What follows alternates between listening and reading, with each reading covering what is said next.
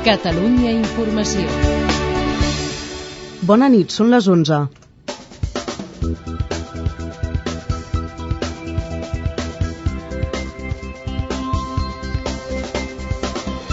El Congrés de Comissions Obreres ha escollit Ignacio Fernández Toixo com el nou secretari general d'aquest sindicat. Toixo ha vençut José María Fidalgo per 28 vots de diferència. Fidalgo ha rebut un fort vot de càstig en la presentació de l'informe de gestió dels últims 4 anys.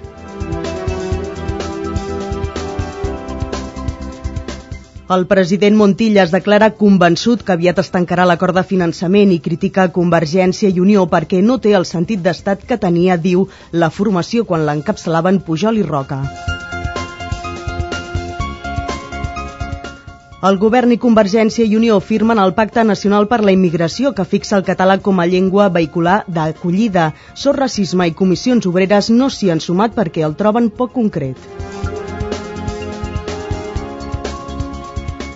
El primer ministre belga proposa al seu govern la dimissió en bloc arran de l'afer Fortis. La decisió arriba després que el titular de Justícia ha anunciat que plega pel mateix cas. L'escàndol deriva de les suposades pressions rebudes pels magistrats que investiguen el pla de rescat de l'asseguradora.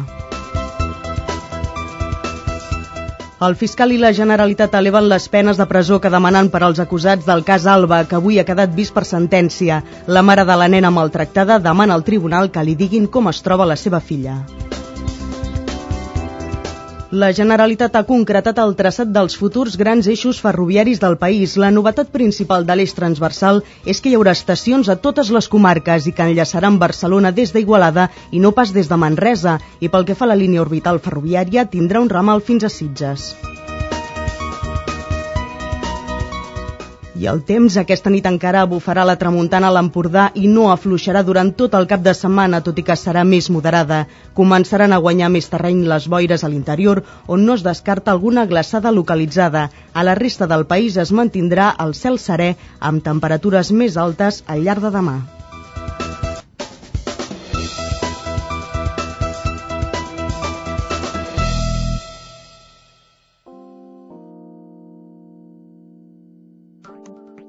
Catalunya nit, amb Lluís Urpí.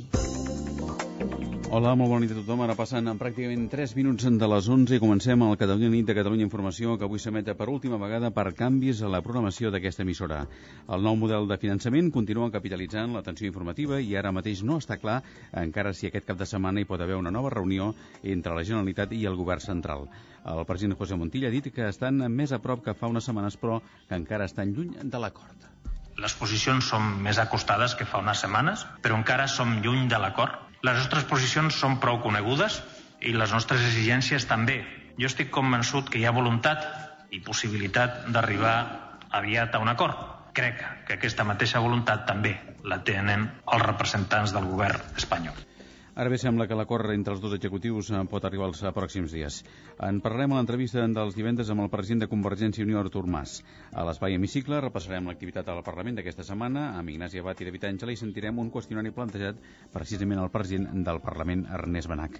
I abans de dos quarts de dotze arriben els esports. Avui amb Xavier Palau. Xavier, bona nit. Què tal, Lluís? Bona nit. Què ens explicaràs avui? Doncs mira, avui parlarem de Xavi Hernández, que ha firmat el seu nou contracte amb el Barça, que s'acabarà el 2014 i que té una nova clàusula de rescisió de 80 milions d'euros. El terrassenc passa a ser un dels tres jugadors més ben pagats de la plantilla.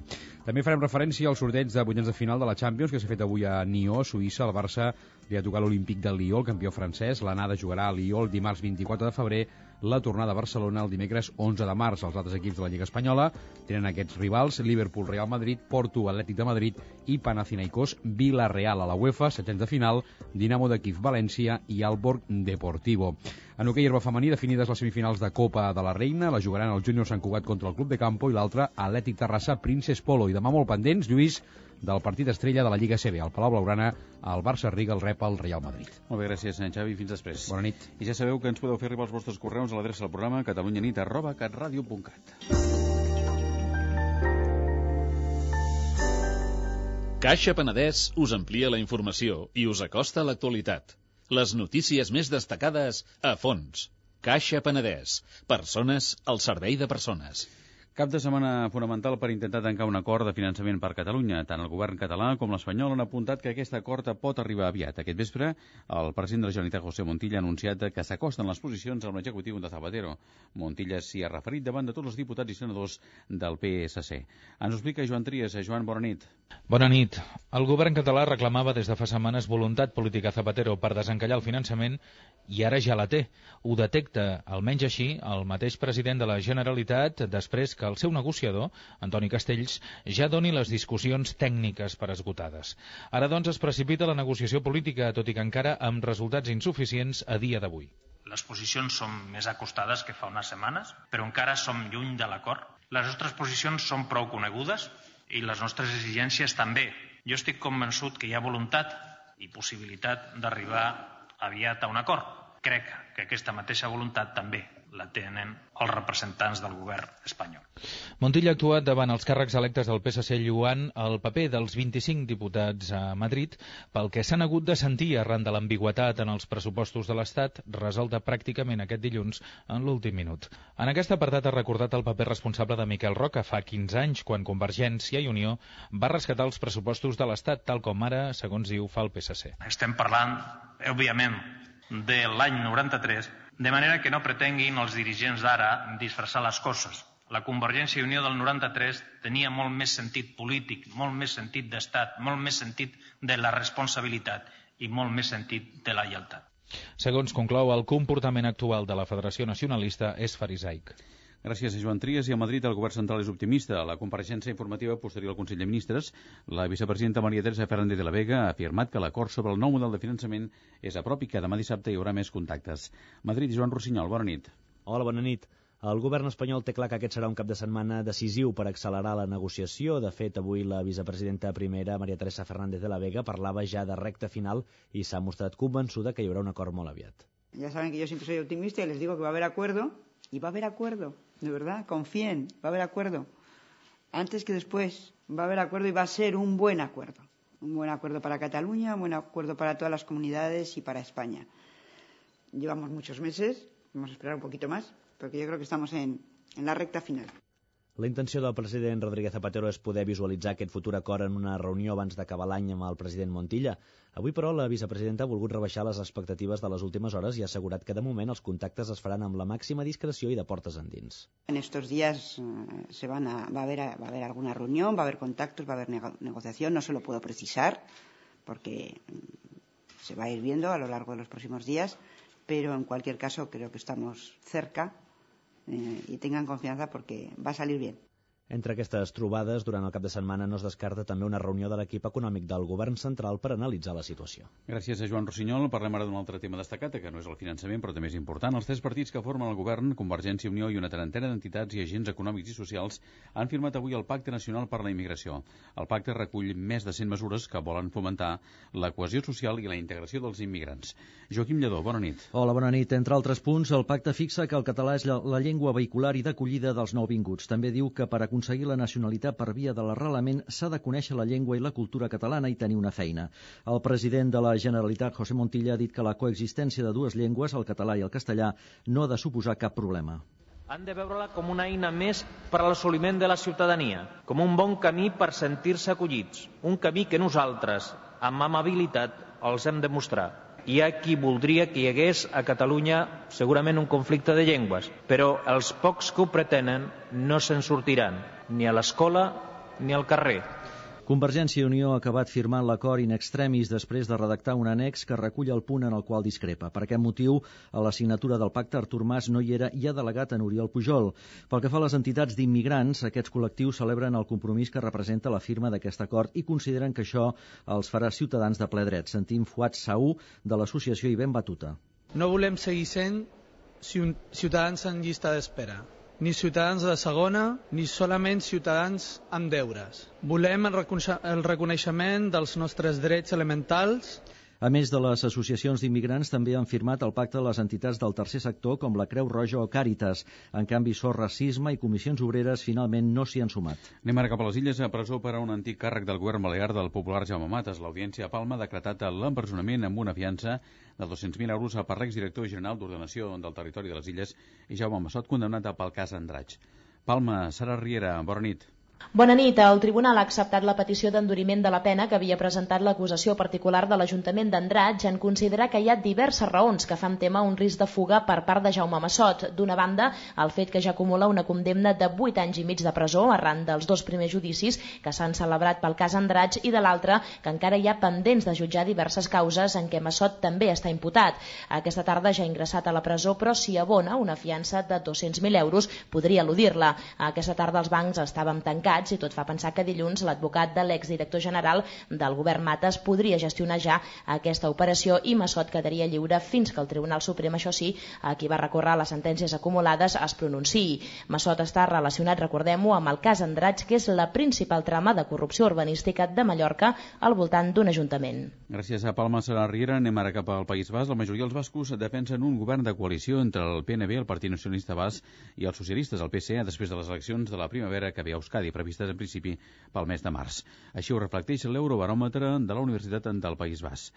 Crònica del nostre delegat de Bilbao, Dani Gómez. Dani, bona nit. Hola, bona nit.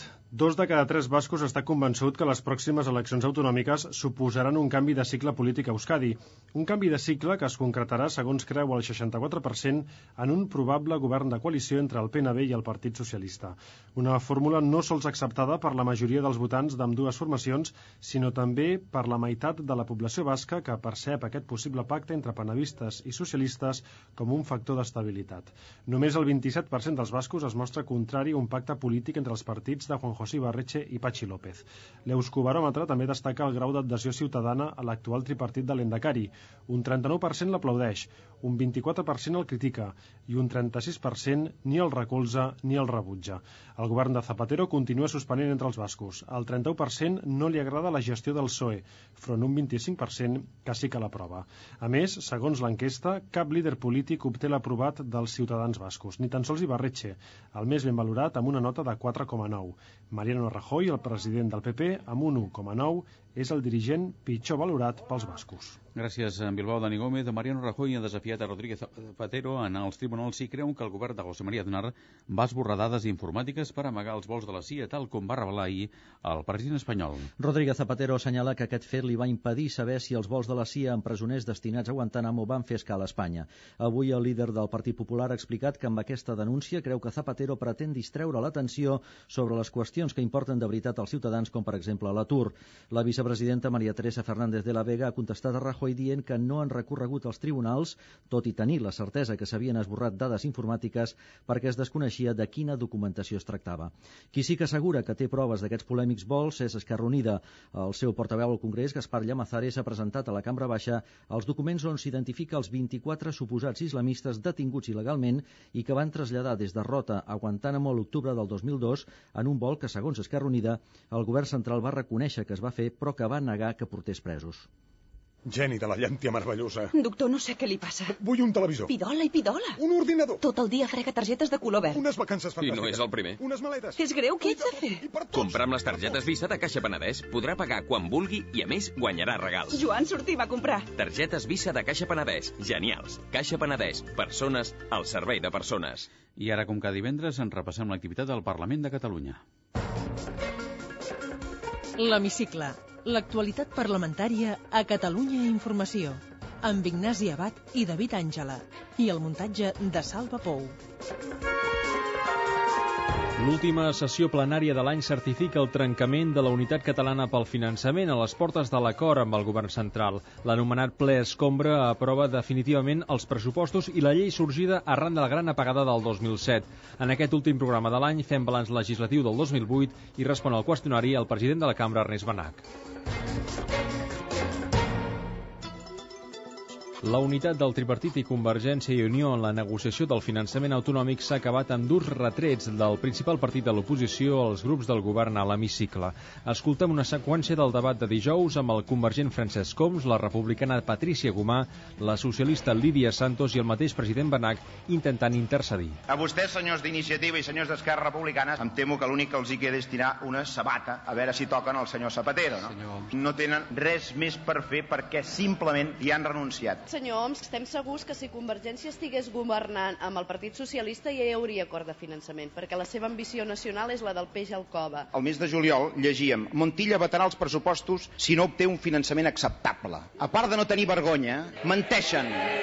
Senyors diputats, després tindran la paraula. L'últim que necessita la gent és desestabilitzar i una crisi de govern perquè en lloc no he sentit un clamor popular ni de patronal, ni de sindicats, ni de la ciutadania, ni dels pensionistes perquè tombem aquests pressupostos. Molt bé! La divisió del front estatutari es feia palesa al debat previ de dues mocions sobre finançament local presentades separadament per Esquerra i Convergència i Unió. Sentim Dolors Batalla de Convergència i Unió i Carmes Figueres del PSC. Senyors d'Esquerra, nosaltres ja ens adonem que vostès potser el cor els diu una cosa, però que el fet d'estar en el govern tripartit els obliga a fer molts equilibris. Si vostès volen millorar el finançament local, facin-ho, però no presentin una moció com aquesta que no conté cap mesura concreta per millorar el suport als municipis. Avui tindrem l'oportunitat de votar una moció presentada per Convergència i Unió que sí que porta mesures concretes. Si les entitats municipalistes van junts, aquí també hauríem d'anar tots junts. Amb la moció que pretenen que aprovem nosaltres, no aprovarem, evidentment, i que ja, ja vindrà el debat en el seu moment, i el que haurien de fer és aprovar vostès aquesta que contempla clarament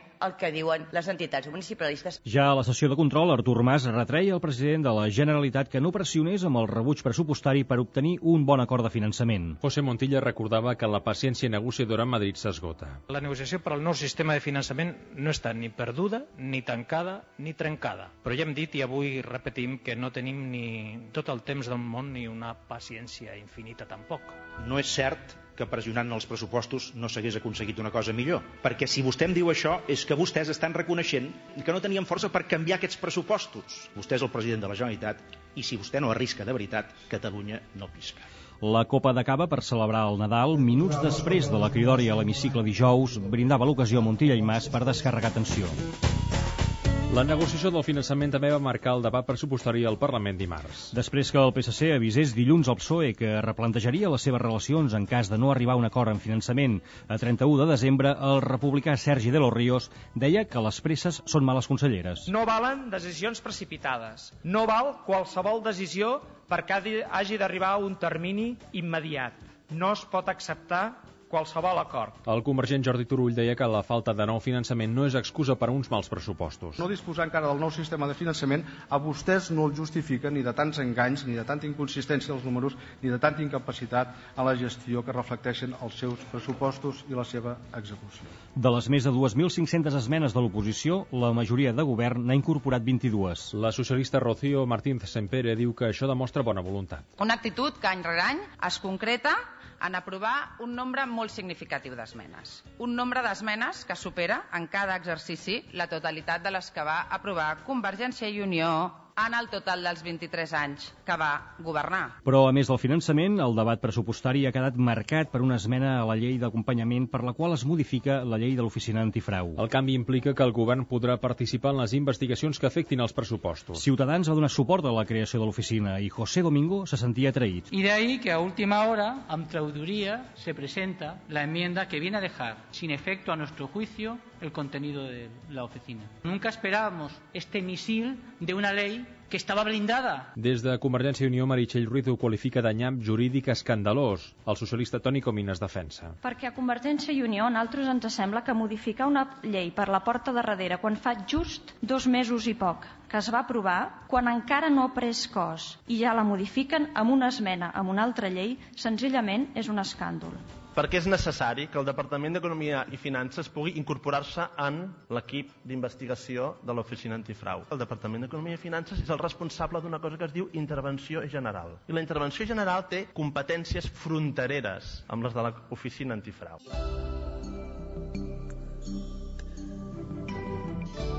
A més de les lleis de pressupostos, el Parlament ha enviat al DOC la de garantia i qualitat de subministrament elèctric impulsada arran de la gran apagada a Barcelona del juliol del 2007. Tots els grups, excepte el MIX, hi han donat suport. Escoltem els diputats Jordi Terrades, del PSC, i Antoni Fernández Teixidor, de Convergència i Unió. En el fons del debat ha transitat si les obligacions que marcava la present llei eren poc o molt costoses. Nosaltres entenem que eren perfectament assumibles. Tenim un projecte de llei aplicable. Al millor, no. Satisfets amb l'obtingut? Bastant per una llei aplicable, que és la que tindrà avui per avui, el govern, amb el prec express de la societat, mai més una pagada com la del 23 de juliol.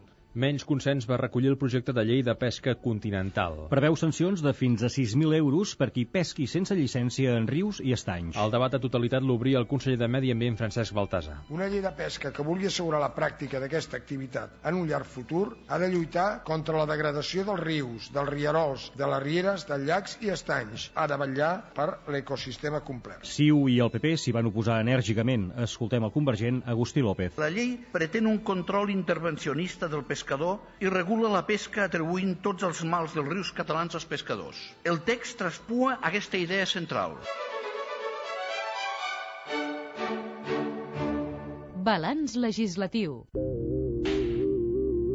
A banda de les dues lleis de pressupostos i la de garantia de subministrament elèctric vistes en aquest ple, el Parlament ha donat llum verda a una desena més de lleis aquest 2008. Aquestes són les més destacades. Llei del dret de les dones a erradicar la violència masclista. Defineix què és la violència masclista i estableix un fons per l'impagament de pensions alimentàries i compensatòries. Llei de l'exercici de les professions de l'esport. Dona base legal per lluitar contra l'intrusisme en el mercat laboral de l'esport. Regula les figures de monitor, entrenador i animador esportiu, entre d'altres. Lleis dels llibres tercer i quart del Codi Civil. El llibre tercer harmonitza la legislació d'associacions i fundacions. El quart equipara les unions estables als matrimonis en matèria de successió i impedeix que una persona maltractadora hereti de la seva víctima. Llei de la presidència de la Generalitat i del Govern. Crea la figura de vicepresident del govern en cas que no hi hagi conseller primer i preveu la de cap de l'oposició. Llei de l'Oficina Antifrau. Crea l'ens que ha de prevenir possibles situacions de corrupció a l'administració. I llei del Consell Nacional de la Cultura i de les Arts. Decideix les subvencions a la creació artística i cultural.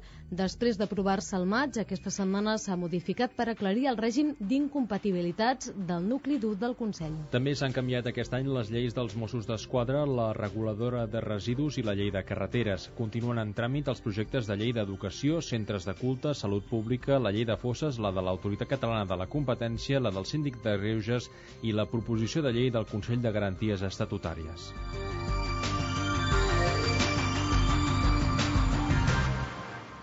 L'hemicicle.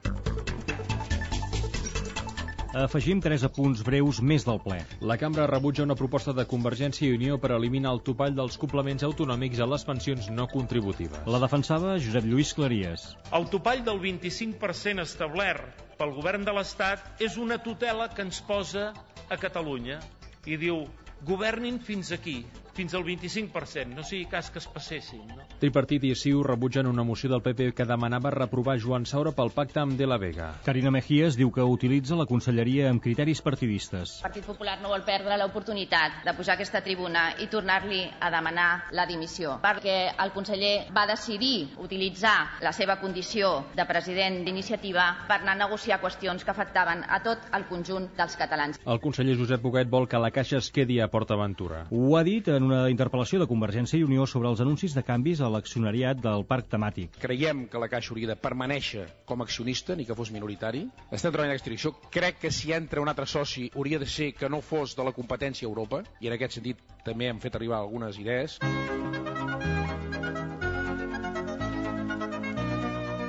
De bon humor. Lluny de la crispació del debat sobre la moció de desplegament de l'Estatut, l'últim ple de l'any també ha deixat notes simpàtiques com aquesta apreciació del socialista Toni Comín cap a la popular Àngels Olano. Senyora Olano, diu que aquest govern està ple de curves. Miri, sap què? Jo crec que el seu partit també està ple de curves i, de fet, jo estic molt a favor de les curves del PP. No me'l pensin. Ja m'han entès. Curves ideològiques, inclús les seves, em sembla bé. L'hemicicle. Té la paraula Ernest Manac i Pasqual, president del Parlament de Catalunya. En una frase. Senyor Ernest Manac, cap on va Catalunya? Jo penso que al segle XXI Catalunya ha d'anar cap a la seva llibertat plena i ha d'anar cap a ser un estat modern, competitiu i justament jugant un paper fonamental i capdalt que pot fer-ho en el món global. Com s'imagina l'Espanya del futur? No me l'imagino ni tinc cap necessitat de fer-ho. Quina hauria de ser la relació Catalunya-Espanya? Crec que hauria de ser una relació de bon veïnatge i, a més a més, d'un excel·lent veïnatge de, de coordinació en molts aspectes, però respectant, evidentment, la llibertat de cadascú. I aquesta és una mica la gran qüestió. Qui mana a Catalunya? Hi ha molta gent que influeix, hi ha un joc d'equilibris bastant complex i difícil d'explicar, de, però que existeix. Jo crec que cada vegada més el qui té més pes en aquesta capacitat d'influència en la societat eh, acostumen a ser les empreses periodístiques. La transició va ser modèlica. Aquí sembla que hi hagi conceptes que són sacralitzats a la política espanyola. La Constitució és intocable, la transició és intocable, el rei és intocable. Doncs home, tot és qüestionable, tot és criticable i en democràcia s'ha de poder plantejar tot. No? La justícia funciona bé. Tot és millorable, tot és millorable i la justícia també. Es viu bé de la política. El concepte de viure bé és molt relatiu, molt. Té mútua privada? Els meus fills van a l'escola pública i sempre he estat a la sanitat pública. L'arrel quadrada de 81? No. Quin nivell té d'anglès? El nivell d'anglès és correcte, el nivell de francès és molt més bo. Quin nivell té de català? Vaig estudiar filologia catalana. El seu signe del zodíac? Escorpí ascendent Taure. Llac o Serrat? Me'ls estimo molt tots dos, però llac. Digui'm el personatge públic català que més admira i el que menys admiro una generació que potser té, posem un home i una dona com a exemples, no? però jo penso que té molt a dir en aquest país, no? i l'home és el Pep Guardiola i la dona la Mònica Terribas. Em seria molt fàcil parlar de personatges que tu o que no m'agrada el que representen i la seva manera de fer de fora del Principat. Pis de lloguer o de propietat? propietat, pagant la hipoteca cada mes. Té segona residència? Sí, tenim un mas. Quin va ser el seu primer cotxe? El meu primer cotxe va ser un dos cavalls. Tarragona 2941E. Quin cotxe té ara? Tinc un Nissan X-Trail. Quants telèfons mòbils té o porta? Dos. Pertany a alguna xarxa social d'internet? El Facebook, el Twitter, el Flickr. És soci d'algun club esportiu? Del Reus Deportiu, del Club Natació Resploms, eh, del Santes Creus, que és el filial del Reus Deportiu de Futbol, que és on juga el meu fill gran de futbol, i del Barça. Aquest any sí o aquest any tampoc? Aquest any sí, segur. Sap com val el peatge de Martorell? Tinc teletac. Conserva amics d'infantesa? I tant, són els millors. és un dels grans tresors de la vida. Recomani'm un vi. Home, jo recomanaria un Montsant, és a dir, un Priorat, un Montsant especialment. Quin plat ens faria si ens convidés a casa seva a sopar? Home, si fos a dinar podríem parlar d'arrossos, perquè no se'm dona malament. A sopar potser hauríem de fer una cosa més, més lleugereta. Quin plat demana en un bon restaurant? Si és un bon restaurant em deixo recomanar sempre. Ha fet mai nudisme? Sí. Com li surt la declaració de la renda? Em tornen diners, enguany m'han tornat diners. Defineixis amb tres adjectius. O sigui, treballador, ser eficaç, tinc un punt de sentimental, segurament. Què vol que hi digui el seu epitafi? Amb el nom em conformo. Un comiat. Sigueu molt feliços. Senyor Ernest Benac, moltes gràcies. A vostès, moltes gràcies.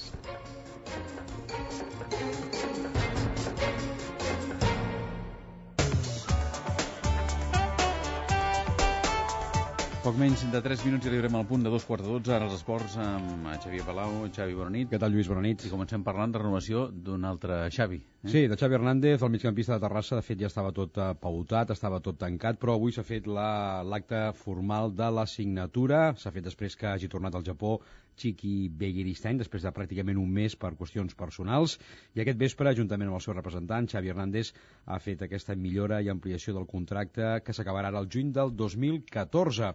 El Terrassenc tindrà ara una clàusula de 80 milions d'euros i ha entrat al grup dels tres jugadors més ben pagats de la plantilla. En declaracions d'aquesta casa, Xavi Hernández demostrava així la seva satisfacció i l'agraïment al club tenint en compte que és un contracte molt llarg i evidentment doncs, no és fàcil, no és fàcil, no? Les negociacions doncs, eh, penso que han sigut les, les justes i res més, crec que també vull agrair el, amb el president, amb el Xiqui sobretot, que després d'un viatge tan llarg i de problemes eh, personals allà al Japó, doncs, que hagi estat aquí de seguida amb nosaltres per firmar, vull dir que en aquest sentit agraeixo a tothom, al club en general, al president i a Xiqui en, sobretot doncs, per, aquest, eh, per aquesta confiança que han tingut en mi. Xavi tindrà 34 anys quan compleixi aquest contracte. El campió francès olímpic de Lió serà el rival dels Bar del Barça als vuitens de final de la Champions, segons ha determinat el sorteig que s'ha fet avui a Nió, l'anada al Lió el dimarts 24 de febrer, la tornada l'11 de març a Barcelona. De la resta d'eliminatòries destaca el Liverpool-Real Madrid, la tornada jugarà a Anfield Road, el director esportiu madridista Peja Mijatovic ho valorava així. Nos ha tocado un equipo que en estos últimos años en esta competición lo está haciendo bastante bien, pero nosotros por otro lado tenemos muchísima ilusión de, de hacer algo importante este año. La resta d'aparellaments, Porto Atlètic de Madrid, Panathinaikos Villarreal, Manchester United Inter, Juventus Chelsea, Bayern de Múnich Esportiu de Portugal i Arsenal Roma. Pel que fa a l'eliminatòria de setents de final de la UEFA, València Dinamo de Kiev i Deportivo Alborg de Dinamarca. Més futbol, Mané esperarà l'últim entrenament de demà per donar la convocatòria pel partit del vespre contra l'Atlètic de Madrid a Montjuïc. Tamudo de la Penya, Finan, Rufete i Roman no hi són per diversos motius. L'entrenador creu que guanyar aquest dissabte i sortir de la zona de descens els pot donar la tranquil·litat que els falta. Bueno, no es tan anecdótico, pero tampoco carece de, de, de relevancia, al contrario. O sea, sumar tres puntos en la zona que nosotros nos desenvolvemos es, es bueno, un bálsamo tremendo. La mejor medicina. L'altre partit que s'avança aquest dissabte a primera, Real Madrid-València, en futbol a segona, recordem que també juga demà el Girona, ho farà a casa contra el Castelló. I un últim apunt pel que fa al poliesportiu, direm que estan ja definides les semifinals de la Copa de la Reina d'hoquei herba femení, que juga a Can Sales, a Terrassa. Demà la jugaran d'una banda el Júnior Club de Campo i l'altra Atleti Terrassa Princess Polo. Gràcies, Xavi. Fins després. Bona nit.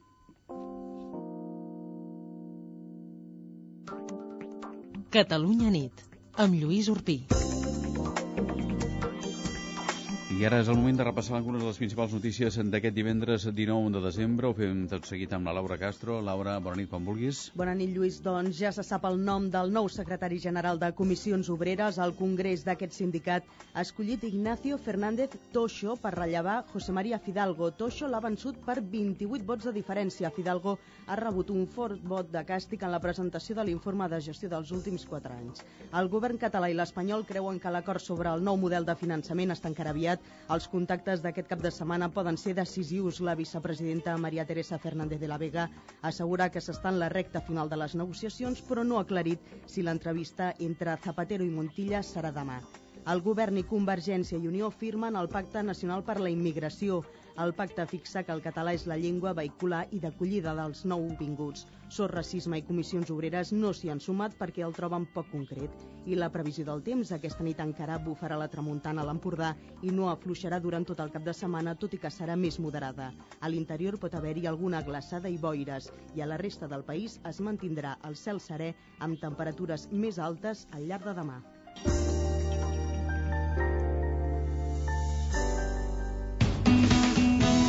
Bona nit.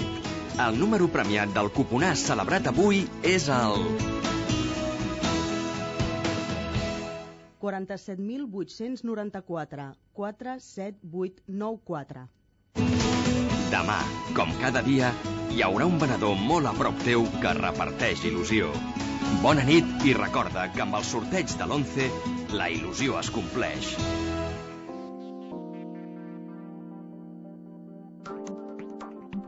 L'entrevista del divendres.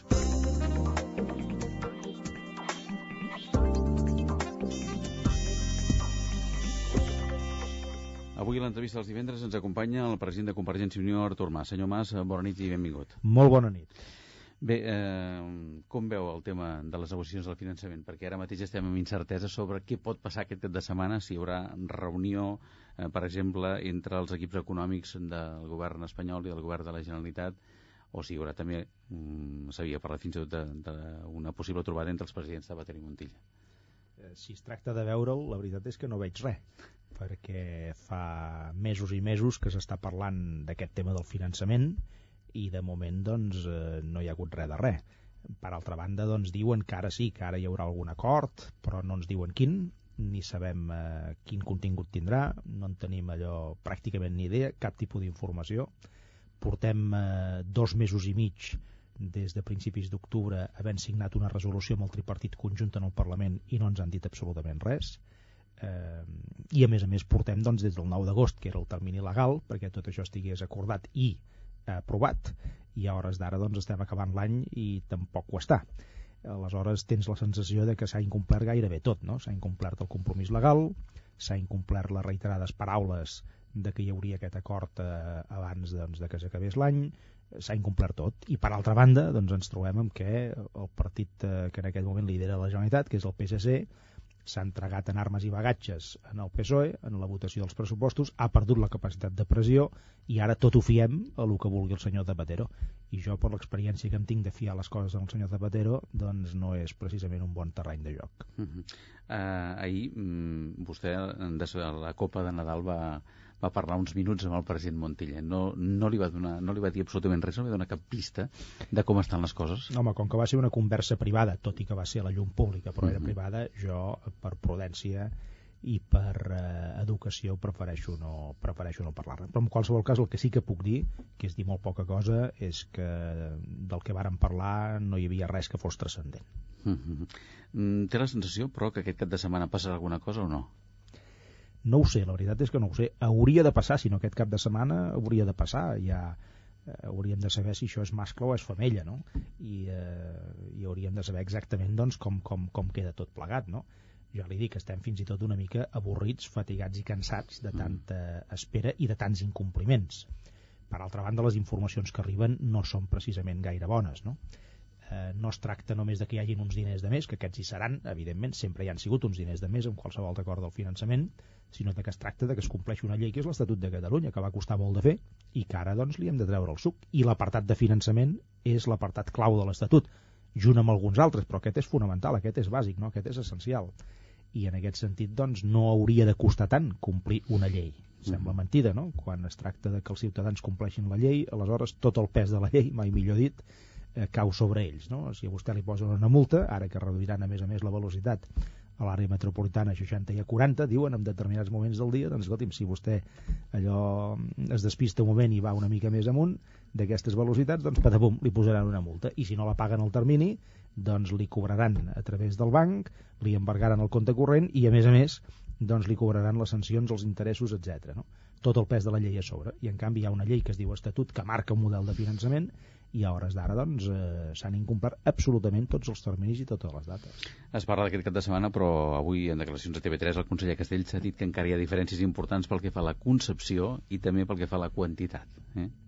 Això és el que ha dit el conseller. Va, doncs miri, doncs, eh, vol, dir que, vol dir que no va bé, aleshores, no? perquè si anés bé doncs ja, ja tindrien un acord. Pot ser que a més a més hi hagi un acord i que no sigui eh, del tot bo. Jo crec que una vegada el PSC doncs s'ha entregat en el PSOE en aquesta negociació ara doncs ja depenem estrictament de la voluntat del PSOE i del propi Zapatero no? s'ha perdut la capacitat de pressió que era la que teníem en els pressupostos el PSC és l'únic partit, fins i tot dintre del tripartit eh, l'únic partit que, que, que no ha votat en contra d'aquests pressupostos, que no ha fet servir l'arma de pressió que significaven aquests pressupostos sobre el, sobre el govern eh, Zapatero. No? Uh -huh. Una vegada abandonada aquesta capacitat de pressió, perquè el PSC simplement ha fet seguidisme un cop més desgraciadament del PSOE, doncs ara ens trobem eh, bastant indefensos. Vostè em dirà, home, però tenim la llei, que és l'Estatut evident, no? Sí, però s'ha de complir, no? S'ha de complir, però si resulta que qui l'ha de complir, que és el govern, que és el primer que l'ha de complir, és el primer que l'incompleix, doncs aleshores quedes una mica amb sensació, diguem-ne, d'indefensió i, i de desprotecció. Mm. Pel que fa als calendaris, avui la vicepresidenta, la senyora de la Vega, la vicepresidenta del govern espanyol, ha dit que hi haurà un bon acord abans del dia 31 o poc després del dia 31. Bueno, jo, eh? jo només els demano una cosa, que ens deixin de marejar amb dates que ens deixin de marejar. Què vol dir ara, abans de final d'any o una mica després? Però escolti, si n'han donat 25 de dates des de que ho havien d'haver fet. No? no tenen cap credibilitat ni des del punt de vista de les dates ni des del punt de vista dels compromisos. L'Estatut s'ha de complir, punt i final. És que no, no, no és negociable això. L'Estatut ja es va negociar en el seu moment. Ja es va arribar a un model. I en allà no vàrem aconseguir el 100%. Allò va ser la negociació. Però ara s'ha d'aplicar. Ara són articles d'una llei que s'han d'aplicar, no? I el model està establert en allà. La quantitat no hi és en l'Estatut perquè no hi pot ser la quantitat que li toca a Catalunya.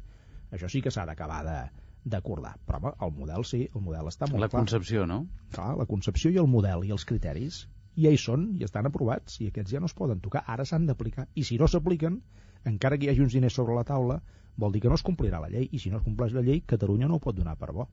Ho ha de deixar obert, mm. perquè el que no podem fer és hipotecar-nos de cara al futur, no?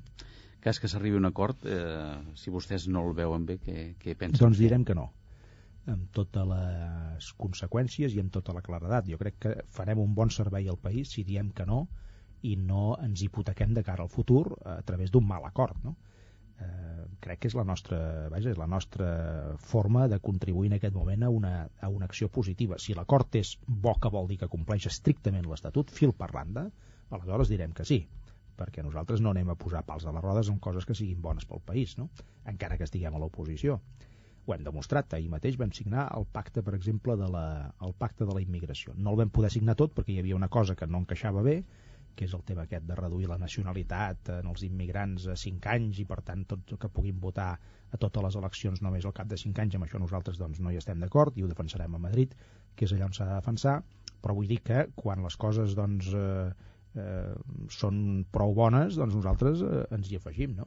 ara en aquest cas faríem un mal servei si diem que sí a un mal acord perquè és un precedent que després ens hipotecaran negociacions futures. Pensi que després d'aquesta negociació de finançament que s'està fent ara en vindran d'altres. D'aquí tres anys en tindrem un altre, que és el que prediu el propi Estatut.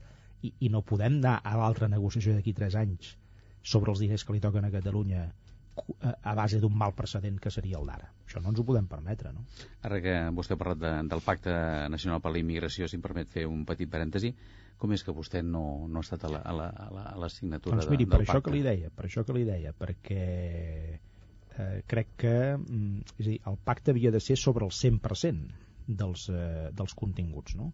i aleshores jo hi hauria anat, perquè Convergència i Unió ho ha signat, no? però jo, delegant en el nostre portaveu, a l'Oriol Pujol, he volgut significar que precisament hi ha un tema molt important en el qual el tripartit i nosaltres no ens hem posat d'acord i que a més a més és un tema que no depèn de Catalunya sinó que depèn de l'administració central depèn de les Corts Espanyoles no?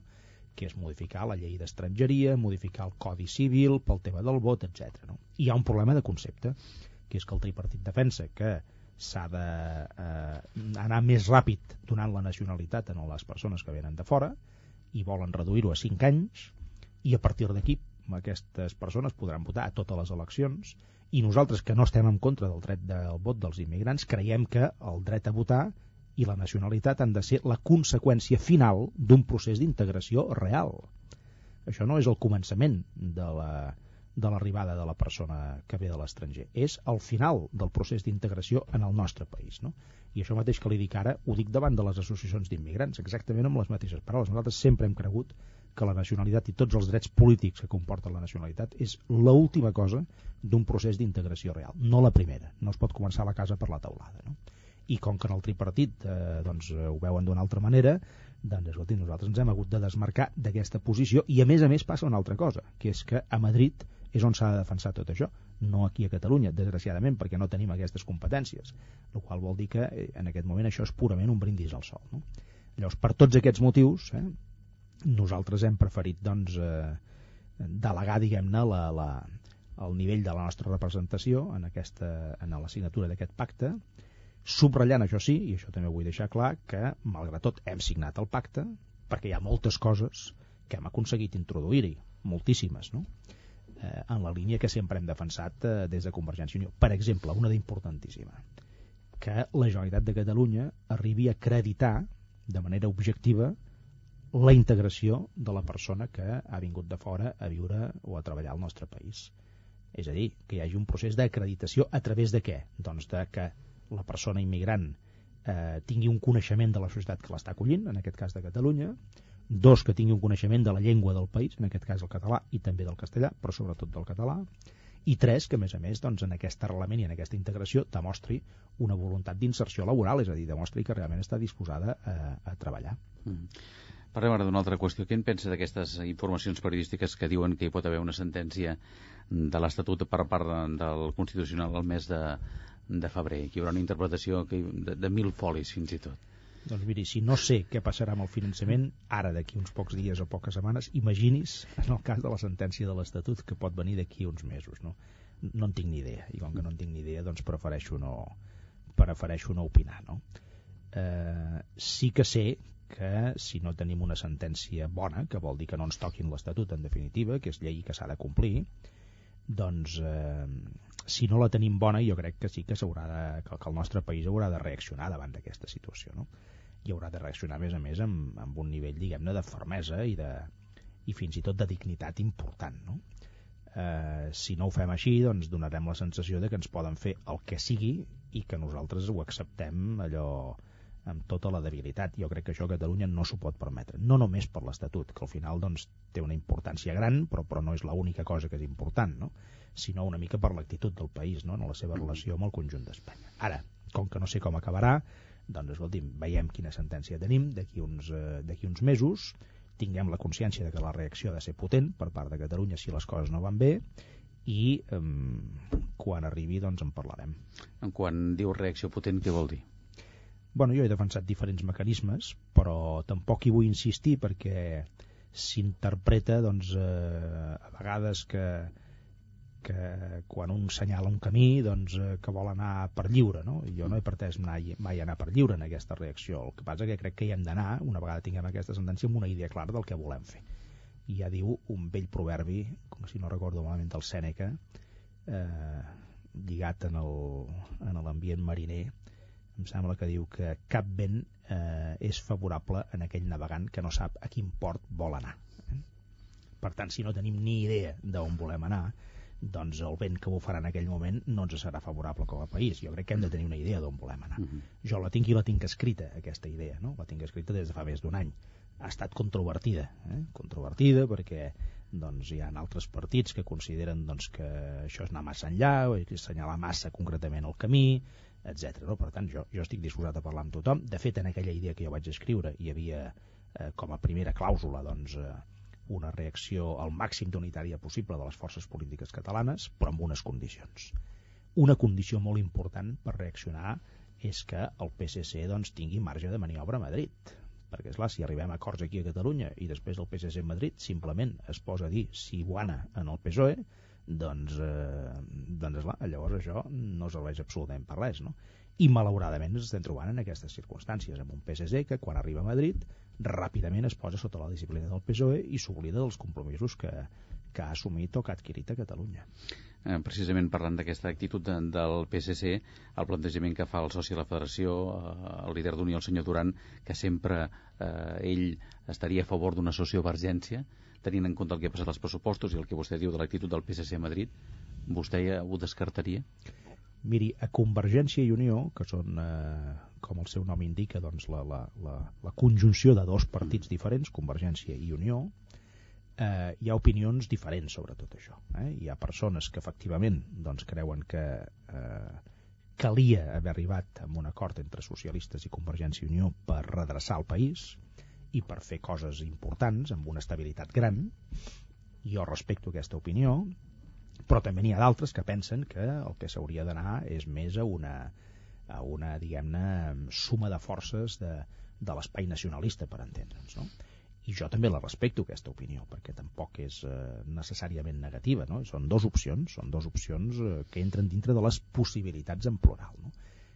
La meva opinió quina és? La meva opinió és que no cal eh, definir ni un escenari ni l'altre amb tota precisió, sense saber doncs, com acaba aquesta legislatura, cosa que en aquest moment no sabem, quan acaba aquesta legislatura i, a més a més, quin resultat tindrem a les properes eleccions catalanes, perquè home, no és per presumir de res, no? Ja veu que ho dic des de l'oposició i amb tota la humilitat i tota la modèstia, no? I la modèstia d'haver rebut cops importants des d'un punt de vista polític en aquests darrers anys, no? Però, home, la meva aspiració és a que Convergència i Unió tingui un resultat prou bo com perquè pugui liderar el govern de la Generalitat i crec que això doncs, ho hem de pretendre, perquè si no pretenem això, si no tenim aquest punt d'ambició, doncs eh, ens quedarem eh, més en la, la segona fila. No?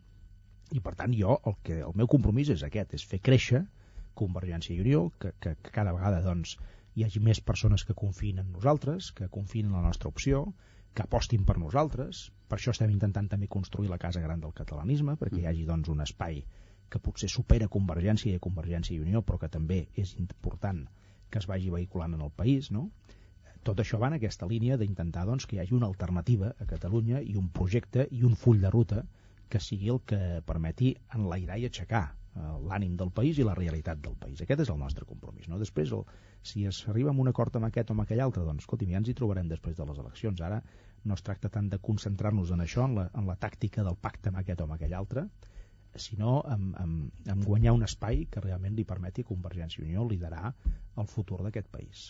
Mm, parlarem també d'aquest eh, projecte de futur, però permeti'm que quan parlava dels socis de la federació hi va haver eh, unes divergències, podríem dir, entre vostès i Unió eh, de cara a la resposta que s'havia de donar en cas que el Constitucional retallés de manera important l'Estatut, no? perquè vostè hi havia fet uns plantejaments i el senyor Duran, o des d'Unió Democràtica, van dir que hi hauria d'haver un plantejament unitari liderat en aquest cas llavors pel, pel president Montilla. Es va dir que vostès mantindrien una reunió per parlar d'aquest tema, després va dir que no calia que, que es fes aquesta reunió. Al final, aquesta reunió sí, l'han fet. No, no, n'hem fet una i més d'una. Més I més d'una, no? Sí, home, esclar. I l'hem feta com s'ha de fer, discretament. Eh? Sí, perquè, sense fer-ho públic. Evident, eh? Mm -hmm. perquè entre dos socis no cal cridar a les càmeres ni als mitjans de comunicació per parlar. I, eh, això es fa quan... Eh, quan es fa entre adversaris moltes vegades, no? però entre socis no, entre socis no, i, i Convergència i Unió som socis des de fa 30 anys, a vegades doncs eh, hi ha coses que, que, bueno, que surten una mica del guió i que, i que hi ha un petit, eh, un petit rebombori durant un temps, durant unes hores, a vegades, durant uns dies, no? però, però mai passa més, de, més enllà d'això i, i de fet doncs, el senyor Duran i jo parlem habitualment. Miri, aquesta mateixa setmana hem estat en contacte permanent de cara a la posició de Convergència i Unió en aquest tema del pacte de la immigració, per exemple. No? Uh -huh. Hem eh, treballat junts, ho hem fet junts, hem acordat l'estratègia junts i hem pres les decisions junts, per exemple. No? Eh, cosa que és un bon símptoma de com han de funcionar les coses, entre I, socis. I de cara a aquesta resposta ja hi ha unanimitat de criteris? Respecte a l'altre, n'estem parlant i jo, n'està parlant altra gent de Convergència i Unió, i jo estic absolutament convençut que arribarem a una posició eh, única en aquest sentit de la reacció davant de la sentència de l'Estatut no? Eh, en el ben entès, torno a dir eh, que jo mateix ja fa un any vaig escriure que la reacció havia de ser unitària no és que jo hi estigui en contra, al revés l'he proposada la reacció unitària no? l'he proposada i per tant doncs la, la, la mantinc no? ara una altra cosa és que en aquesta reacció unitària hi hem d'anar amb una idea no mhm. s'hi pot anar allà simplement a parlar com si fos una tertúlia de cafè quan ens hi trobem, bueno, què fem, no? home, això és prou seriós com per tenir una idea prèvia de què volem que es faci i llavors posar-la sobre la taula, la nostra idea, i discutir-la amb els demés partits polítics catalans. De cara a aquest projecte de, de la Casa Gran del Catalanisme, vostè va dir que necessitava 10.000 voluntaris, no? sí, home, i si són més, millor. I si són més, millor. Eh? Nosaltres hem dit que com a mínim, mm, sí, el nostre objectiu és que hi hagi 10.000 persones que no necessàriament de ser militants de Convergència, que s'apuntin a la Casa Gran i que facin xarxa Facin territori, Facin no? xarxa, territoris, sectors, idees, eh, ganes de treballar junts. Segurament serà una xarxa, a més a més, bastant diguem-ne virtual, perquè tot això es mourà molt a través de, a través d'internet. També hi haurà, òbviament, coses que farem a nivell presencial, a nivell, de, a nivell més, de, més físic, no? I la idea és aquesta, no? Anar, anar, anar apropant gent a la idea de com el catalanisme ha de, portar el país en aquests propers anys i que aquestes persones ens ajudin doncs, eh, eh, a omplir plenament aquest full de ruta no? i aquest projecte. Hi ha moltes persones en el nostre país que en aquest moment no volen identificar-se plenament amb un partit o fer-se militant. N'hi ha d'altres que sí, afortunadament, però n'hi ha moltes que no. I que en canvi volen posar un gra de sorra perquè veuen que les coses no van bé i veuen que Catalunya va enrere. No? Jo me'n trobo moltes d'aquestes persones. I, I en aquestes persones se'ls ha d'oferir la possibilitat de mm, posar aquest gra de sorra perquè ells també puguin contribuir, ells o elles, no? a, a, a aixecar el, el, el, que Catalunya vagi endavant en lloc d'anar enrere en tots els seus uh, aspectes. No? I, I aquest és el tema, i això és una mica la casa gran del catalanisme, això són idees, persones, eh, projectes posats en comú més enllà de la política per ajudar el país, per ajudar Catalunya. Parlem ara d'una altra qüestió, de les eleccions europees. Ignasi Guardant serà el cap de llista de Convergència i Unió? És un dels possibles candidats. Vaja, és un candidat a ser-ho, perquè ell mateix ho ha manifestat així. No és l'únic, hi ha altra gent que s'ha interessat també, que té ganes d'encapçalar aquesta llista, i per tant, doncs... Eh, Com el senyor López Tena, per exemple? També, també, ell també ha manifestat la seva, la seva intenció de poder encapçalar aquesta llista de les eleccions europees. N'hi ha d'altres de persones que també ho han fet, que no s'han desvetllat els noms i per tant jo tampoc ho faré, però hi ha diverses persones en aquest moment que volen ser candidats a les eleccions europees no? i que a més a més totes elles, les que jo conec estan molt preparades per ser-ho òbviament l'Ignasi Guardans és una, una d'aquestes persones, no cal dir-ho no?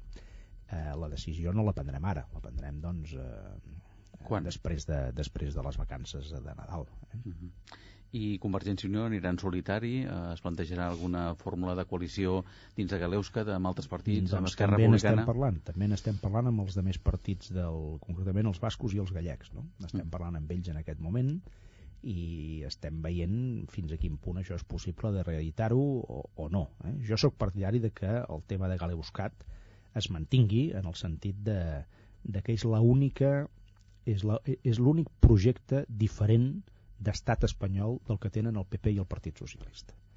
Si vostè mira el projecte d'Espanya que tenen el PP i el Partit Socialista, és més o menys el mateix, amb uns matisos, amb unes petites diferències, però finalment, encara que la música pugui semblar diferent, la partitura és la mateixa. No? I en canvi, doncs, què hi ha de diferent amb això? Quin altre model hi ha d'Espanya que no sigui el del PP i el del Partit Socialista? Doncs, doncs el que representa Galeuscat, un estat plurinacional, de veritat, no? Un estat doncs, mm, fins i tot confederal, segons com es vegi. No? Eh, Esclar, perdre això jo crec que seria un error, perdre aquesta visió alternativa de l'estat espanyol. No? Ara, també és cert que les eleccions europees són un tema molt conjuntural en aquest sentit. Eh? No tenen tant a veure amb això, per tant, no és segur que anem junts, però tampoc és, eh, tampoc és segur que anem separats, vull dir, és una cosa que estem, que estem simplement estudiant conjuntament en aquest moment entre, entre els tres. No? Entre els tres vull dir Convergència i Unió, el PNB i el Bloc Nacionalista Gallec.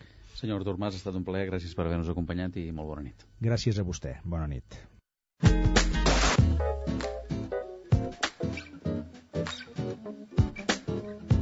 Catalunya nit. Menys de 5 minuts i arribarem al punt de les 12. És el moment de repassar la premsa de demà, en aquest cas, en dissabte, en Francescano, com és habitual els divendres. Francesc, bona nit. Què tal, Lluís? Bona nit. Tenim alguna sorpresa avui o no? Doncs no, més o menys eh, tots els diaris van del mateix, que en diem a les portades. Si et sembla, comencem per Periódico i Vanguardia. Periódico diu el pacte del finançament entra a la recta final, cònjuges i fills dels immigrants podran venir amb permís de treball i Toixo venç a Fidalgo a la pugna per la Secretaria General de Comissions Obreres, una notícia que sabíem fa poca estona. La Vanguardia cau la licitació d'obres de l'Estat a Catalunya. Elisabeta, la pacient precoç, és la nena amb l'espina bífida que ha estat intervinguda a l'úter matern per metges catalans. I també diu partits i patronals donen suport a la compra d'Espaner. L'avui, eh, posicions allunyades. Pedro Solbes insisteix que aquest cap de setmana és un bon moment per arribar a una entesa. Antoni Castells esquiva la pressió de la Moncloa i refreda les expectatives sobre un acord imminent. També diu un nou impuls a l'eix ferroviari entre Girona i Lleida i el govern belga dimiteix en bloc acusat pel Suprem d'afavorir el Banc Fortis. El país. Els experts del govern opten per l'avortament lliure fins les 14 setmanes i Bush injecta 12.500 milions a General Motors i Chrysler per evitar la fallida. A les pàgines de Catalunya, Barcelona exigeix a Foment que construeixi l'estació de la Sagrera. El punt a la seva edició de Barcelona, la Universitat Autònoma de Barcelona no s'arronsa i fa efectiva l'expulsió dels sis estudiants anti-Bologna. Xavier Bru de Sala presidirà el Consell de la Cultura i de les Arts i el Barça a Lió. L'ABC, el PSOE, impulsarà el mes de febrer l'avortament lliure fins les 14 setmanes. Flota russa torna a entrar a l'Havana i Fernández Toixo, secretari general de Comissions Obreres, el vence Fidalgo per només 28 vots. La Razón, el PP acusa el govern d'ocultar intencions en la reforma de l'avortament. Rússia torna a Cuba per pressionar els Estats Units i les Camoto Rutideta enregistraven un vídeo a les comissaries de l'Arxança a Guipúscoa per atemptar contra elles. Acabem amb el Público. Toixo posa punt i final a l'era Fidalgo. La cort de Rato brinda pel seu lideratge i Los girasoles ciegos i Camino favorites als Goya. Molt bé, gràcies, Franciscano. Bona nit i bon cap de setmana. A tu, Lluís, igualment. Bona nit.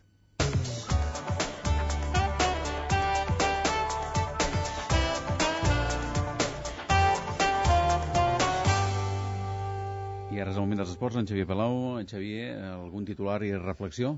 Doncs titular seria aquest uh, sorteig avui fet a Nió a la, als vuitens de final de la Lliga de Campions, on el Barça ha conegut el seu rival, serà l'Olímpic de Lió, l'altre gran rival de la Lliga Espanyola, el Real Madrid. Ara en hores baixes se les veurà amb el Liverpool de Rafa Benítez. I és que el Barça ha segut avui el seu rival als vuitens de final de la Champions, com diu l'Olímpic de Lió, un rival que aparca fins al febrer de l'any que ve, quan torni la competició després de l'aturada d'hivern.